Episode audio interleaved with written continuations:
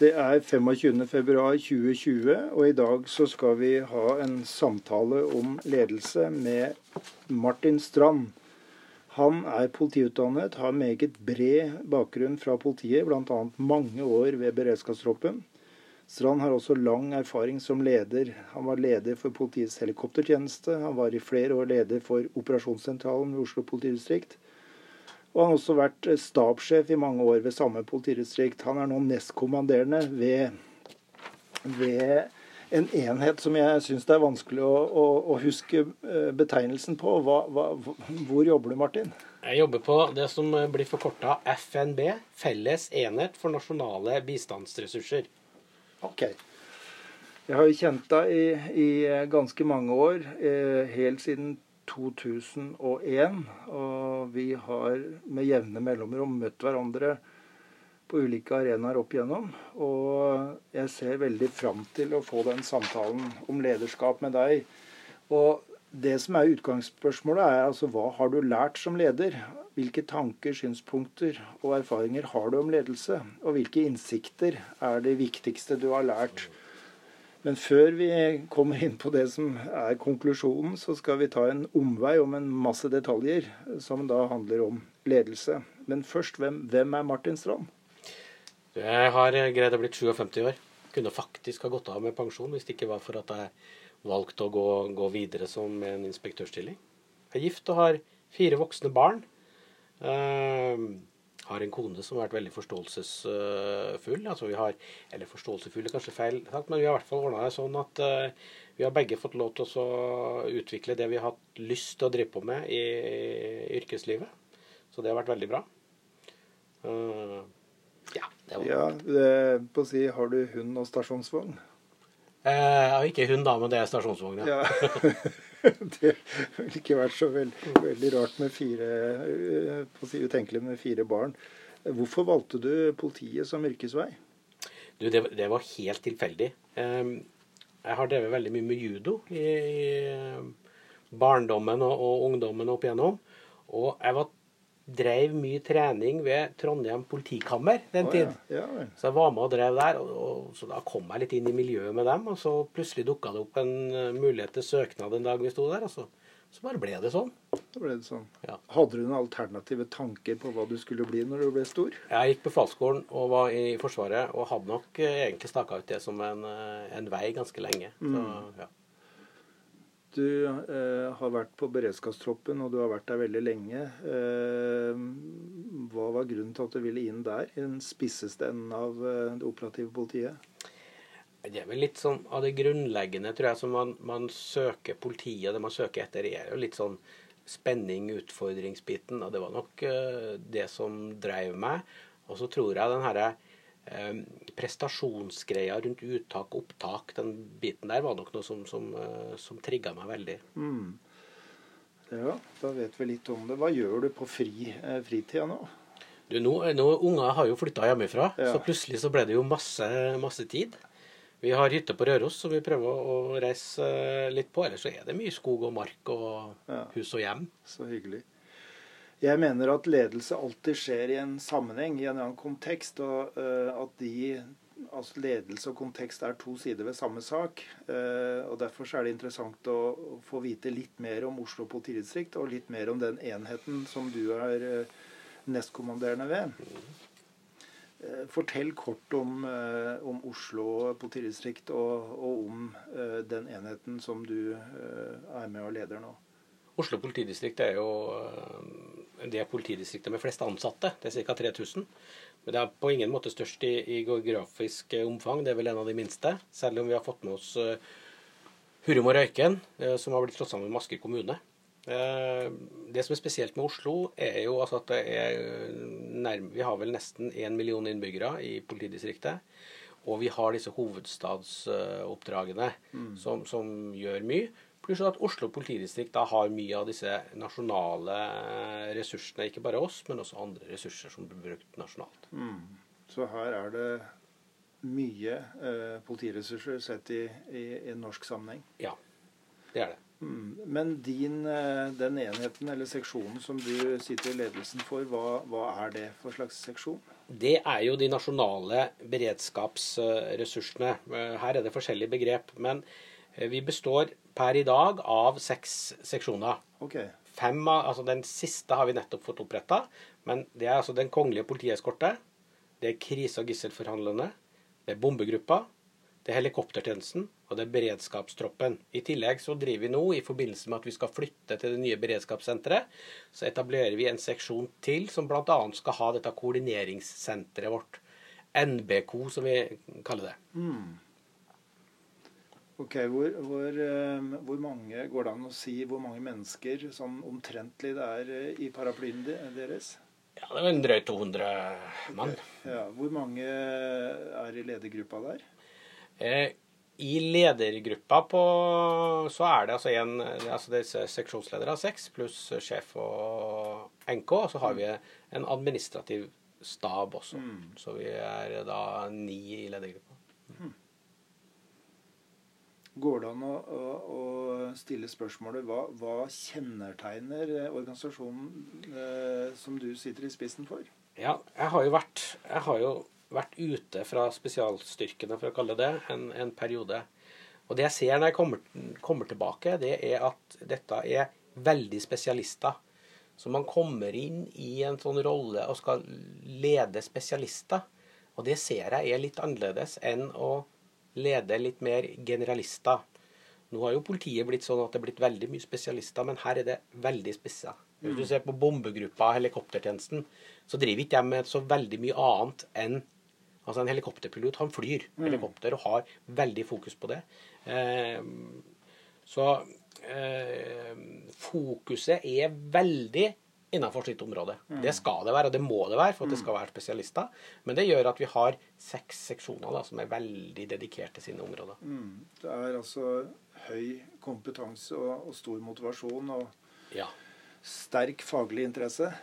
Ja, det er en god beskrivelse. Altså den, den utrolig sterke faglige interessen som er, er, er, der. Altså, det er ikke noe som bare foregår i arbeidstida, dette for de fleste. Nei.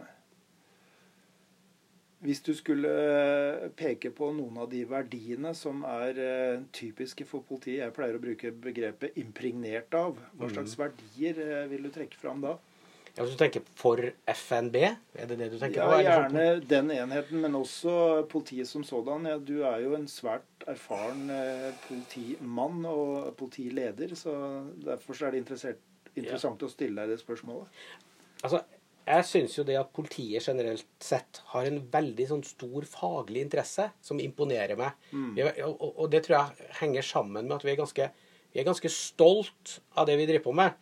Selv om vi for tida har litt utfordringer med endring av økonomi og sånn, så, så, tror jeg den stoltheten eh, ligger der. Og så er det en sånn konstant ønske om videreutvikling av faget, som jeg syns veldig ofte er imponerende. Mm. Altså Vi sovner ikke i faget. Det er hele tida en driv etter å bli, uh, bli bedre. Og det, det, tror jeg har noe med den, den, indre motivasjonen.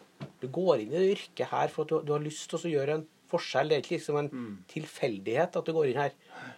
Eh, det tror jeg er det som eh, Hva tenker du om det begrepet samfunnsoppdraget, da, som veldig mange politifolk, og spesielt politiledere, trekker fram? Ja, og det, Hvis jeg kan sammenligne det med den, den tida jeg satt som stabssjef mm.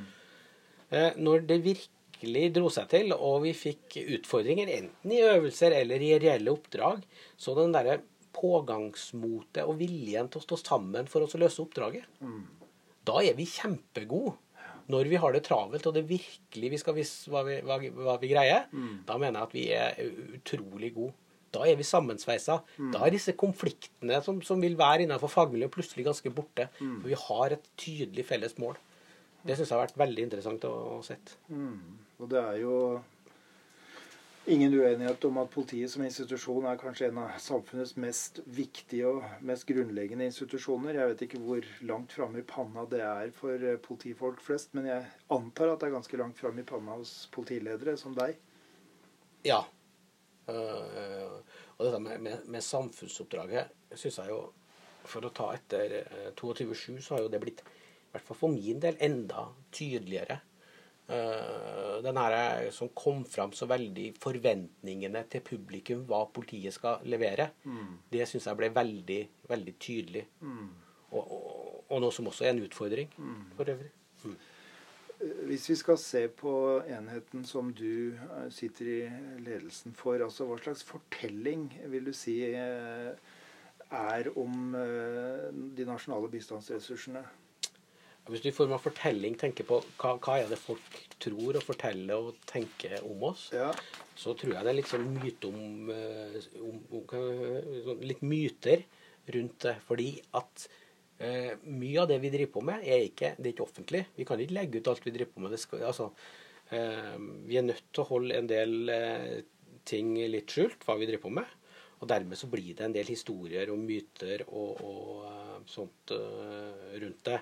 Um, og det tror jeg det er noen som greier å leve litt på, for ja. å si det sånn. Men hvis jeg, hvis jeg bruker noen stikkord som uh, kapasitet og kvalitet, uh, kan du spinne litt rundt det som Det er jo en ganske ny enhet, og det er Eh, spesialenheter som ligger under paraplyen deres. Så, så, det må jo kunne gå an å si noe eh, altså Ikke om ressursene eh, totalt sett. og det, det, er jo, Jeg skjønner jo at ikke du kan si noe direkte konkret om kapasiteten, men noe generelt og overordnet.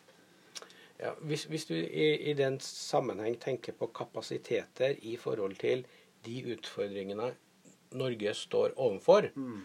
så er jeg først lyst til å gå litt tilbake til det jeg sa om det som er publikums forventning til eh, nasjonale beredskapsressurser. 22.7 så, så vi at det var et gap mellom hva folk forventer, og hva vi klarer å levere. Mm. Så blir det gjort en del Gjørv-kommisjonen. Prøve å komme med en del tiltak for at vi skal lukke det gapet. Mm. Det lukker vi en del av ved at vi flytter ut til det nye beredskapssenteret. Så nærmer vi oss mer publikums forventning. Det jeg ser nå, er at det senteret er i ferd med å bli litt oversolgt. Så jeg er redd for at når vi flytter ut på det senteret, så er det en forventning om at alle beredskapsutfordringer da er løst. Mm. Og da er gapet mellom forventningene til publikum og det vi greier å levere, faktisk blitt større. Okay. Så dette er kjempeskummelt, og hvordan vi greier å kommunisere mm. hva er det egentlig vi kan gjøre, uten at vi greier å si alt vi driver på med. Mm. Det var interessant. Mm.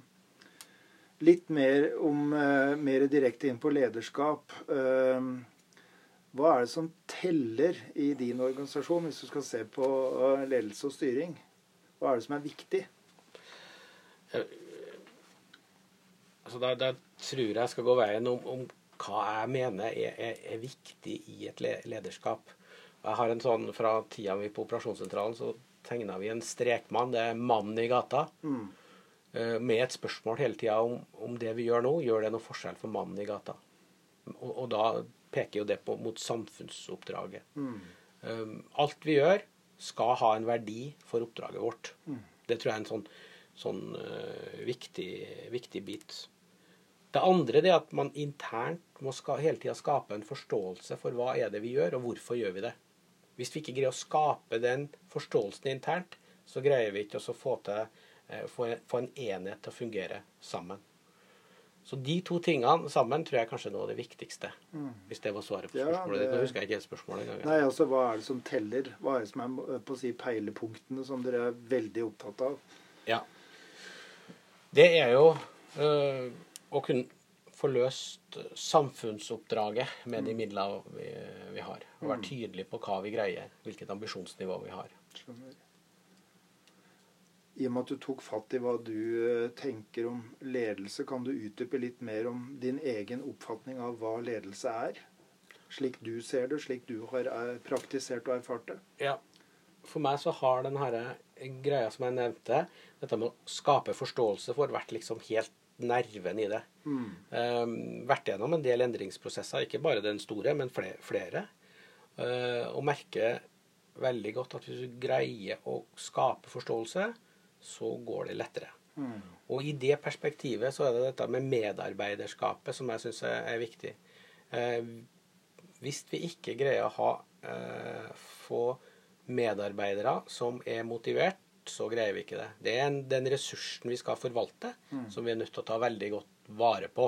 Mm. Så det er mange måter å gjøre det på. selvfølgelig. Det er ikke ettergivenhet og, å slippe løs alt, men det er tydelig ledelse.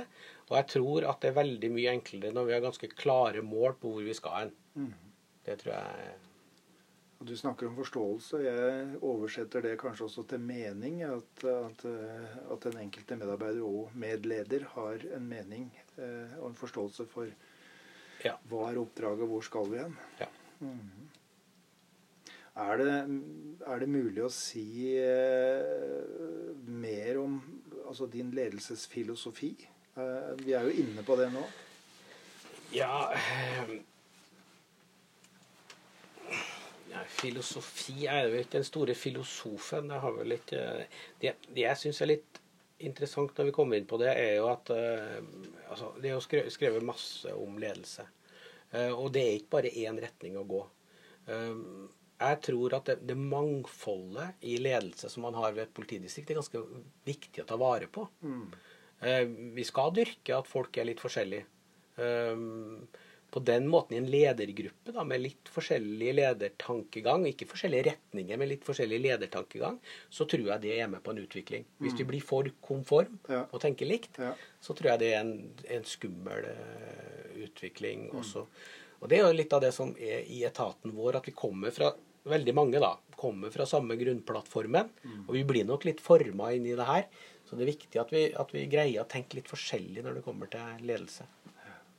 Det er jo et utall av definisjoner og mange ulike forståelser av hva ledelse er. Det er jo noen som sier at eh, ledelse er omtrent som å sende røyksignaler inn i et tåkefullt rom. Eh, altså Så lite håndgripelig er det. Men, men eh, du er opptatt av medarbeiderne, medarbeiderskap, du er opptatt av mening, og du er opptatt av retning og nå mål og løse oppgaver og nå mål. Det er jo fem-seks eh, helt konkrete punkter på hva du vektlegger i lederskap. Går det an å si noe om politiledelse? Er, hva, si, for deg, hva er politiledelse, og, og er det noe særegent ved den formen for ledelse? Ja, det tror jeg. Hvis jeg kan jeg, I hodet mitt da, så deler jeg opp dette i, i to forskjellige. Eh, det ene er eh, ledelse med et økonomisk vinnings... Eh, ja, altså privat næringsliv, da. Offentlig, for å skille det sånn. Hvor vi som er det offentlige, har også samfunnsoppdraget som er det viktigste. For læreren så er det å få lært ungene noen ting. På barnehagen, på, på et sykehus og i politiet. Det mener jeg står litt i, i, i samme gata. Så har politiet den andre faktoren, da, hvor vi er altså maktapparatet, som ikke bare skal utøve ledelse overfor uh, våre ansatte, men vi kommer i situasjoner hvor vi skal utøve ledelse for befolkningen. Vi skal lede dem gjennom en krise. Og Det er klart at det gir noen andre perspektiver i forhold til politiledelse. Da trenger vi ikke å tenke bare på de store, men, men når vi går ut og sier hvordan samfunn, altså, ja, Når vi tar ut samfunnsutfordringer, gjengkriminaliteten i Oslo, hvordan vi kommuniserer det, det er et budskap til hele befolkninga. Det er ikke bare til en, en bedrift. Så det, det er litt forskjellig. Eh, Det er sånn du fortalte innledningsvis, at du selv har gått befalsskolen og vurdert eh, en militær karriere.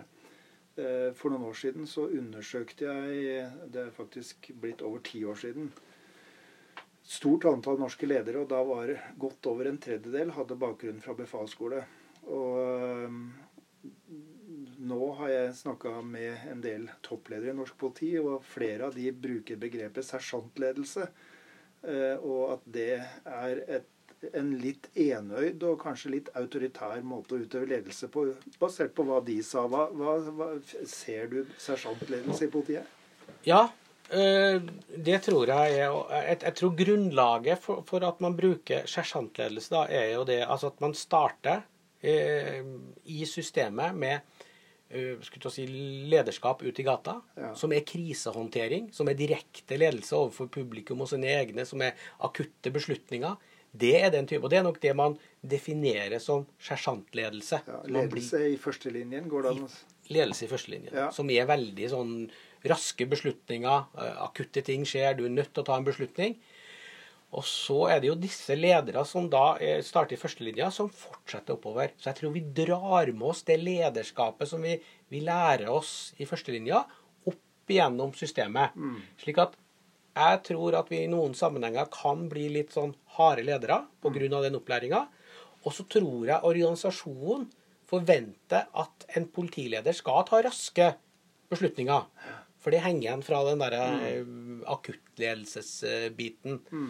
Uh, og det tror jeg nok det lenger opp i systemet du kommer, kan være en altså, større og større utfordring. Ja. Det blir en stil som kanskje blir litt for uh, ensidig? Ensidig. Og, og, jeg tror at det er viktig at vi er bevisst på den utfordringa. Mm. At vi drar med oss det, for vi drar med oss kulturen. Og det er klart du som leder også har lyst til å ha en lederstil som, som, det forventes i organisasjonen. Mm. Så den der er litt sånn litt vanskelig. Mm. Går det an å si noe om eh, altså Stille spørsmålet Har norske politiledere en spesiell selvforståelse? Altså oppfatning av lederrollen og hvordan lederskap skal utøves? Går det an å si noe generelt om det? Jeg tror vi er, jeg tror vi er, er, er veldig forskjellige. Uh, men, men, jeg tror den forventninga om hvordan en politileder skal være, mm det er den der karen som står i gata og bestemmer, eller kriseledelsen som vi ser i, i filmer og alt sånt. Ja. Det er det som er forventninga at skal være en politileder. Men jeg tenker at uh, ledelse i politiet i dag er noe helt annet og et helt annet perspektiv enn en det. Da uh, er vi inne på spørsmålet om uh, på si, en utvikling og endring på, på å si, utøvelse, av lederskap. Altså du har åpenbart vært i politiet siden midt på 80-tallet eller slutten av 80-tallet og fram til i dag. Altså, hvis du skulle se på det tidsspennet, hva er de tydeligste endringene i utøvelsen av lederskap i politiet? Jeg tror at det, det viktigste er at si, medarbeiderskapet, forståelsen av ressursen som medarbeideren er, har blitt større. Mm. Vi har blitt bedre til å lede en kunnskapsbedrift kunnskapsmedarbeidere. Mm. Jeg tror vi gir hver medarbeider et mye større handlingsrom og et rom å jobbe i. Enn tidligere. Enn tidligere. Mm. Det tror jeg er den store, store utviklinga. Det gjør også at vi får medarbeidere som varsler fra på en annen måte. Det kan føre til at vi får mer uro i organisasjonen. Ja. Man varsler for deg på en annen måte. Det blir tøffere å sitte som leder. Mm. For du får direkte tilbakemeldinger ganske, ganske ofte ja. hvis folk ikke er enig i de beslutningene du, du tar. Mm. Så det tror jeg nok var annerledes før. Da var det ingen som tok sjansen på å varsle ifra. Nei. Mens nå har vi åpna for det, og det tror jeg er det som virkelig får ting til å, til å blomstre. Men hvis du skulle peke på hva, eh, noen få momenter som du vil si er typiske kvaliteter, eller det som er veldig bra da, ved, ved lederskap i politiet, hva vil det være? Du har jo pekt på det med beslutningsdyktighet og og en handlingsorientering. Altså kunne reagere raskt. Ja, Det tror jeg altså, altså det, det, er viktig i sin kontekst. Ja. Eh, jeg tror, ikke, jeg tror ikke det er like viktig i alle. Jeg tror vi skal ha tid til å gjøre gode vurderinger. Ja. Store prosjekter som vi driver på med. Altså, politiet har blitt, uh, blitt stor på de områdene uh, også. Uh, men hvis jeg kan peke på egenskaper da, som, som, som er viktig, så tror jeg det er å kunne se politiet litt i det store bildet. Mm. Altså i, i, i samfunnsbildet. Mm. Hva er rollen vår? Mm. Hvordan blir vi oppfatta av publikum? Jeg tror dette med at vi har en, en, god forståelse for, for uh, hva vi gjør, og vi, at vi greier å formidle det til publikum. Det er jo det mm. som er kunden vår. Så vi må være gode til å formidle utfordringer. Hva tenker du om uh Altså Der kommer kritikk eh, gjennom ganske mange år fra flere hold om at politiledere virker så eh, fjerne i samfunnsdebatten. Nå vil jo jeg påstå at det har endra seg noe, men, men eh, jeg ble nesten sjokkert første gangen jeg så et kronikk i Aftenposten eh, av en politileder, og det var eh, Willy Haugli. Det er mange år siden, men, mm. men da, da, han skrev den, som jeg tipper var ja, mellom 90 og 95 så var det noe helt nytt for meg. Da hadde jeg vært i, i politiet i, i ca. ti år. Mm. Uh, det er fortsatt sånn at man syns at politiledere er tilbakeholdne. Er, er, du enig i den påstanden? Og i tilfelle er, det Hva er forklaringen på det? Jeg er nok enig. Uh, og jeg, jeg tror det at det å greie å balansere i et samfunn med mange forskjellige meninger, Hvor vi skal liksom være den der si, rettesnoren. Den som ikke skal ta noens parti. Det er en ganske vanskelig balansegang. Jeg syns det er interessant å se debatten rundt dette med rusmidler nå. Mm. Så, så, så man, som, som uh, blir litt så, for, for, det er så mange meninger i samfunnet, og det er litt, også litt politiske meninger. Ja. Og det blir litt vanskelig å stå som politi i, i akkurat de debattene. Mm. Det tror jeg nok er det store grunnlaget. Så tenker jeg at eh, på en annen side så har politiet ekspertise på ulike fagområder som kanskje hadde vært en fordel å få fram eh, til politikere og andre beslutningstakere. Ja. I større grad enn det kan synes som det skjer i dag. Jeg syns vi er ganske gode til å få fram de utfordringene som vi ser i, i, samfunnet, med ungdomskriminalitet, med de trendrapportene som kommer ut med Der, der syns jeg faktisk at vi, vi, greier å ha et godt bilde på det som er utfordringene. Mm. Men så er vi jo sånn som en ganske si, satt etat, da. At vi driver ikke og overselger dette. Nei. Vi, vi overselger ikke heller budskapet vårt for å kunne få en økonomisk fordel. Altså, det, da blir vi veldig fort avslørt, hvis mm. noen prøver på det. Så, Så jeg ser at det er en del perspektiver som er, er litt, uh, litt, annerledes. Mm. Hvis vi ser direkte på den lederrollen du har, uh, hva er de viktigste utfordringene i den rollen? Og det er mange. Uh, jeg syns det som har vært litt inne på, det er noe Det å lede ledere, ja. det er én ting som er kjempe, kjempespennende. Det å, å skulle si, ha vært lenger ned i paien før, og det å greie å holde fingrene sine borte, det å la ledere få lov til å ha et handlingsrom. Og greier å styre det at de vet hvor handlingsrommet sitt er, mm. men allikevel hvor grensene går, hvor vi må ta en prat. Det, det syns jeg er utrolig, et utrolig spennende område. Og jeg tenker at det, så, det, kan fort gå så veldig galt med at folk blir passive. Man gjør ikke noe. Man får mm. ikke ut av mellomledersjiktet det man, man ønsker. Mm. Det syns jeg er en spesiell eh, bit.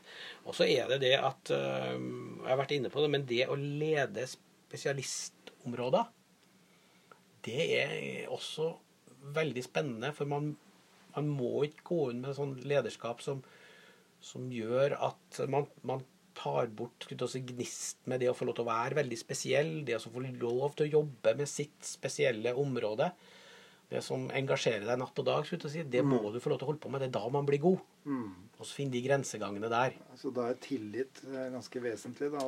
Tillit og handlingsrom, som du har tillit sagt. og handlingsrom. Og så oppi det så har vi selvfølgelig den økonomiske biten. Ja.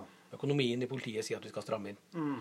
Og det å greie å balansere det her på en, på en god måte, det, det, er eh, utfordrende, men samtidig veldig, veldig spennende. Mm. Jeg har et spørsmål som jeg tar, igjen, tar opp med de jeg snakker med. Altså, det er spørsmålet om hvordan balanserer du ledelse i daglig drift uh, sett i forhold til strategisk ledelse. Ja. For oss, da, altså, strategisk ledelse ser jeg på da som, som altså, den, det å forstå det oppdraget som nasjonale beredskapstrusler har. Greie å ha det bildet på hva er trusselbildet i Norge nå. Hvor skal vi sette inn ressursene framover? Hvordan skal vi styre oss i det landskapet i forhold til å kunne møte framtidige trusler? Mm. Det å ha tid anledning til det, oppimot jeg tenker på linjedriften, altså økonomi, få dette til å gå opp, ansettelser, få det der, så, så, er det veldig lett at linjeledelsen, den daglige ledelsen, blir for stort fokus. Ja. Men det krever at man må organisere seg på en sånn måte at den som er leder, har mulighet til å tenke strategisk. Har ja. mulighet til å se litt fram. Hvor skal vi hen? Um, og det tror jeg, hvis man greier det, så gjør det det lettere for, for oss, da, de som er seksjonsledere, for å kunne styre for seg. Hvis man greier å få til det overskuddet. Men det er tøft. Jeg, jeg tenker at uh, det du sa eh, knytta til hvordan politiledere lærer lederskap, altså vi var inne på bruk stikkordet sersjantledelse, så vil det være ekstra utfordrende å ikke forholde seg til daglig drift og konkret oppgaveløsning, mm. men isteden prøve å se litt framover og både heve blikket, holdt jeg på å si, og, og, og se utover. Og være på balkongen istedenfor mm. på dansegulvet. Men, men eh, det, den eh, gruppen eller de gruppene av mennesker du har med å gjøre, det er jo også kunnskapsmedarbeidere. som da, De, de krever jo ledelse, de også. Altså stort handlingsrom, men også de vil jo også bli sett og bli få ros og anerkjennelse når de gjør noe som er bra. Ja. Og så er de også veldig tydelige når de ikke er enig i beslutninger. Ja. Det er også en eh, tror jeg, som kjennetegner okay. den spesial, spesialistgruppa. Så Hva syns du er mest eh, givende og utviklende i den jobben du har? Kan du konkretisere det? Du har sagt allerede en del om det, men eh, litt mer utdypende? Ja, altså hvis jeg, men da må jeg bli mer konkret, for nå jeg sitter og jobber veldig mye opp imot øh, den endringa vi skal ha når vi flytter til beredskapssenteret. Mm. Det syns jeg er utrolig øh, spennende, spennende arbeid. Det her også få til et beredskapssenter som er altså et treningssenter for norsk politi i tillegg. Og vi skal greie oss å sy sammen det som, altså de forskjellige IP-kategoriene. altså IP3 kommer og tre- trener sammen med, med IP1. Hva er IP for noe for de som ikke Ja, innsatspersonell. IP1 det er beredskapstroppen. Mm. IP3 er UH. Ja. Slik at de her skal trenes sammen. Det at vi greier oss å få, få det her til å fungere Mm. innenfor de økonomiske rammene vi har, det må jeg ta med. Men, Mm. men det, det er noe av det som virkelig trigger meg. Det, det tror jeg, hvis de får til dette på en ordentlig måte, så kommer det til å løfte operativt politi. ja. Så, eh, ja. Og sett i forhold til, til, til, til, responstid og kvalitet, at vi, at vi greier å samhandle bedre. Mm. For det er klart at det er eh, de som er på stedet, som får den første trøkken. Vi greier ikke å være der først. Nei. Apropos samhandle. eh, hvem er de, de mest aktuelle samhandlingspartnerne dere og den enheten du står i spissen for, har i politiet og andre hva skal vi si, beredskapsorganisasjoner i samfunnet? Og du, det, det, det, blir jo, det blir jo mange. Altså, eh, når du snakker på det strategiske perspektivet, samhandlinga med PST, det å forstå hva, hva er utfordringene framover, slik at vi greier oss å justere egen organisasjon, det er kjempeviktig. Eh, når vi snakker på den spisse biten, så er det jo samhandlinga med politidistrikta som er helt avgjørende. Mm. For det er de som, som har utfordringer. Vi kommer og bistår dem. Så vi er veldig avhengig av den gode samhandlinga, de treningene vi har eh, sammen med dem. Enten om det nå blir på senteret, eller vi kommer ut i distrikta, eller via Politihøgskolen. Det er det, det er viktig. Men, men vi har Forsvaret Mm. selvfølgelig som en, en viktig, viktig aktør. Ja. uh, ja, det, det er vel Vi har et stort samarbeid med utenlandske enheter. Mm. Det er spesielt, altså Krise- og gisselforhandlere har jo et fantastisk internasjonalt miljø, hvor de utveksler erfaring fra de store, vanskelige sakene. Så, så, så samarbeidspartnerne våre er ganske, ganske vidt spekter. Mm. Hvis du skulle sette en karakter da, på kvaliteten av eh, norsk politi innenfor den sektoren du holder på, eh, hva, hva vil du si? Nei, du vet det er nesten umulig eh, å si. Altså, vi lager oss noen scenarioer og bilder på hva er det egentlig som er utfordringa. Så kan vi plutselig komme at det- det er noe helt annet Mm. som vi verken har utstyr eller materiell til eh, og kunnskap om å løse. Så det er, det er veldig vanskelig. Eh, man prøver jo å sammenligne seg med andre enheter. Det er vanskelig. Mm. Men, men, jeg, men jeg tror ikke vi Altså, vi har en god europeisk standard. Ja. Det er jeg helt sikker på. Og vi har, vi har hatt midlene, vi har hatt mulighetene til å, å, å bli god. Og det senteret som nå bygges, skal i hvert fall gjøre oss eh, altså, enda bedre enn en vi har vært. Alle ledere opplever ulike dilemmaer. Eh, Hva er de viktigste dilemmaene du har nå i ditt lederskap? Ja Hvilke dilemmaer har jeg akkurat eh, Økonomi er sikkert et Ja. dilemma Ja, det opp mot det aktivitetslyst. Ja.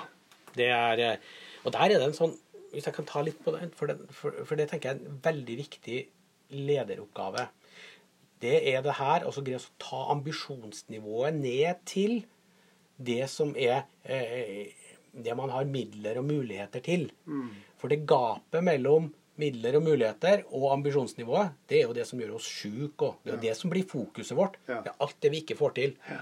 Så det å så greie å jobbe ned ambisjonsnivået til det vi greier, det tror jeg er og Der ligger det mye god, god helse. Mm. Og det skaper altså øh, hvis, hvis, vi greier å få et ambisjonsnivå som er akseptert, og vi har økonomiske rammer til det, så tror jeg vi får en mye mer effektiv organisasjon.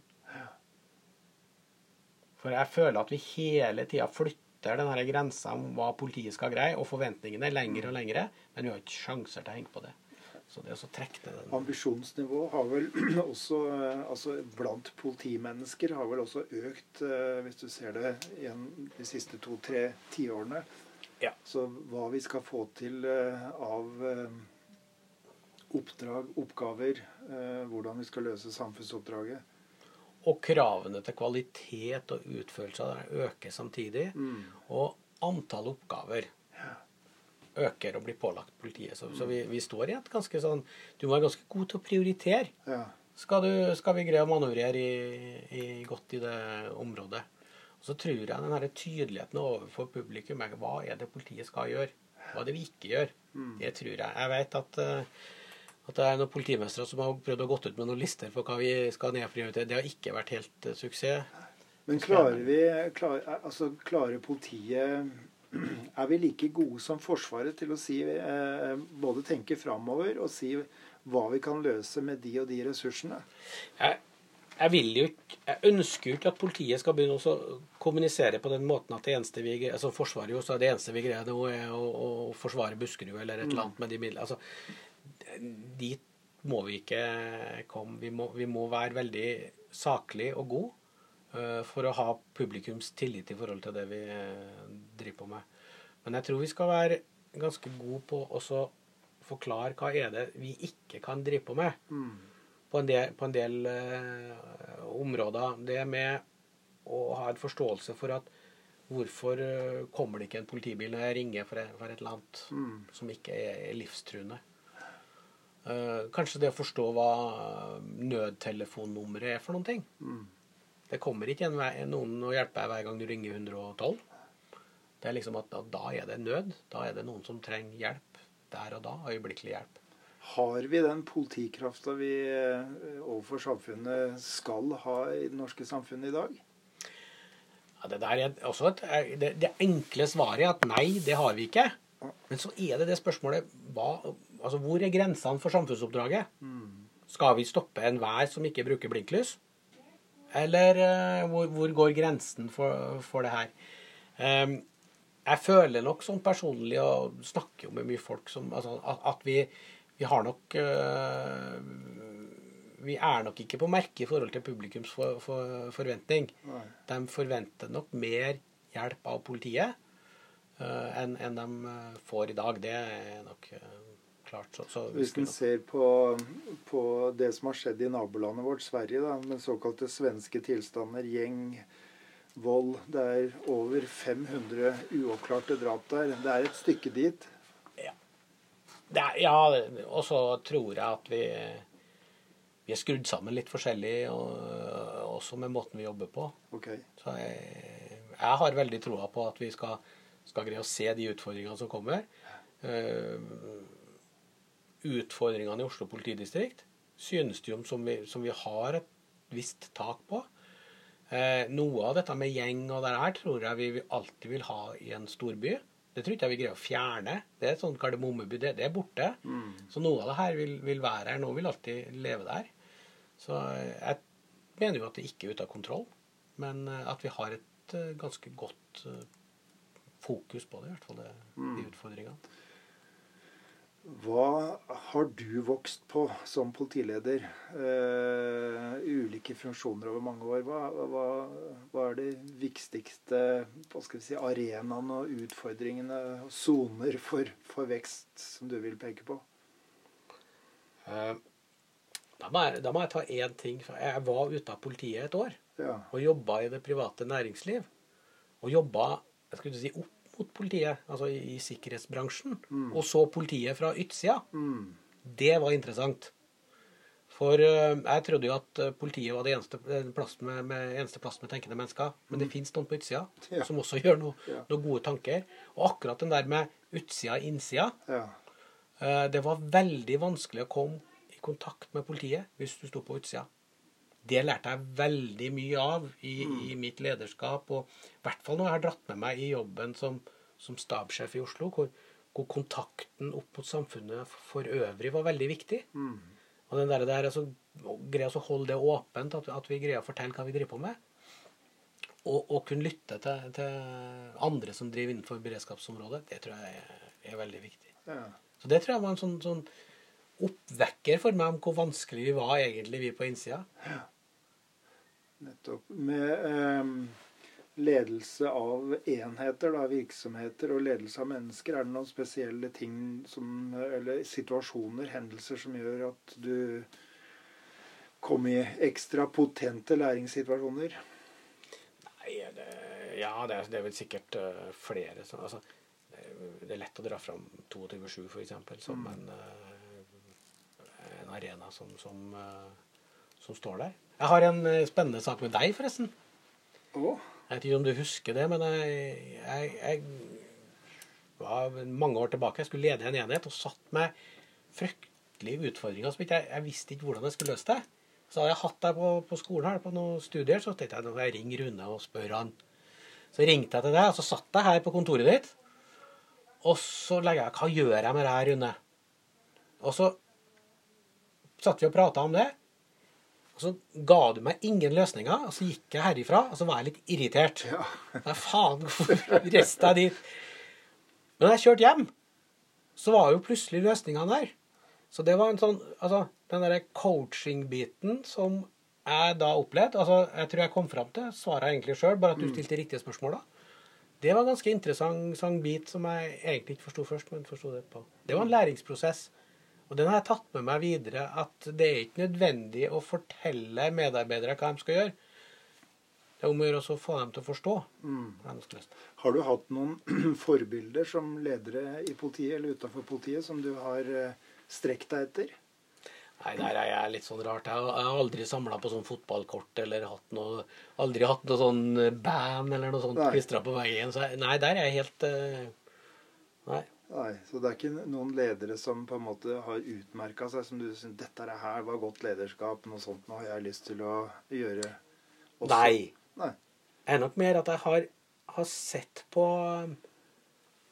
på, på uh, ledere har tatt med meg enkelte ting som jeg synes var Det synes jeg var fornuftig. Mm. Jeg tror jeg, altså, har jeg én opplevelse med og det er tilbake i mens jeg var i Forsvaret. Der hadde jeg altså en leder som eh, hadde et syn på medarbeidere, da spesielt altså soldatene, som gjorde at jeg, det tror jeg var grunnen til at jeg fant ut at Forsvaret ikke noe for meg. Nei. Det var altså en, et menneskesyn som jeg tenkte er, det mulig å behandle folk sånn? Det var, og det var en god læring. Altså De negative opplevelsene var egentlig en god læring. Altså.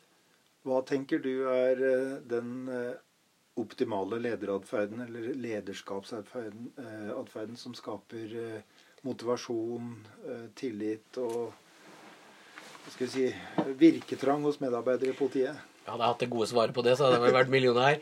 Eh, jeg tror at det er, det er en ting som er viktig, det er altså å kunne se individer i det. For det er ikke mulig å lede ei gruppe helt likt, hvis du ser på individnivå. Men jeg tror de fleste ønsker å, å vite hvilken retning vi skal. Hva er det vi skal her? Det, det, det tror jeg er en sånn, sånn viktig, viktig bit. Um, ja, det, det tror jeg må være det, det viktigste. Det samtidig å kunne se individet.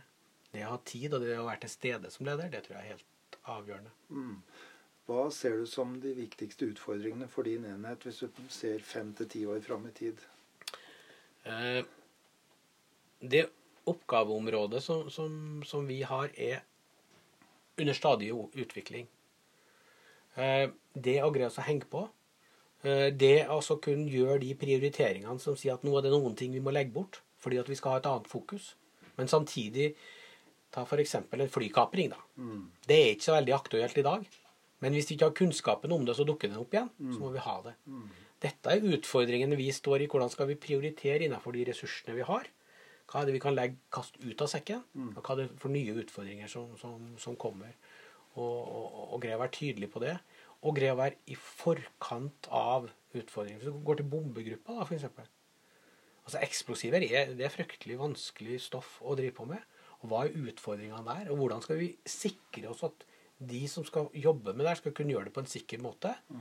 og at vi greier å følge med den utviklinga som er. Det er også en sånn krevende greie. For at du skal lø det, det, og det er jo å løse da samfunnsoppdrag. Hva vil du skal være fortellinga om deg, Martin Strand, eh, og om enheten din når du en gang trer ut av den lederfunksjonen? Ja, da må jeg ta det sånn som akkurat nå. Da håper jeg at eh, de vurderingene og de endringene og de justeringene som ble gjort i forbindelse med at vi endra organisasjonen når vi samla oss og skulle bli mer eh, kraftfull sammen, har gitt resultater. Det håper jeg. Så vil jo Men hva, hva med deg konkret som, som lederen? Der, der sa du om ønsket fortelling om enheten. Om enheten eh, jeg, jeg, Ja, hva skal jeg si der, da? Jeg, jeg, jeg håper at jeg blir huska som en forståelsesfull leder. Mm. Som så og lytta til de utfordringene som var. Og hadde i hvert fall en interesse for å gjøre noe med det. Hvis du skulle sammenfatte nå til slutt, da, hva, hva har du lært? Hva er det viktigste du har lært som leder? Hva, hvis du skulle fortelle en nevø eller en ung politimann, kvinne, om dette er det viktigste jeg har lært som leder i politiet gjennom mange år. Ja, og da tror jeg det er en sånn sammensatt greie i, i, i forhold til medarbeiderne, hvor mye som, som ligger i dem. Hvis du kan stole på dem og la dem utvikle seg, passe på at de kommer på den riktige plassen, så, så får man veldig gode resultater. Det tror jeg kanskje er, er, noe av det viktigste. og da det, sånn, det må utvikle medarbeideren. Mm. Tusen takk for en interessant eh, samtale, og lykke til videre som Takk. politileder. Takk. Takk.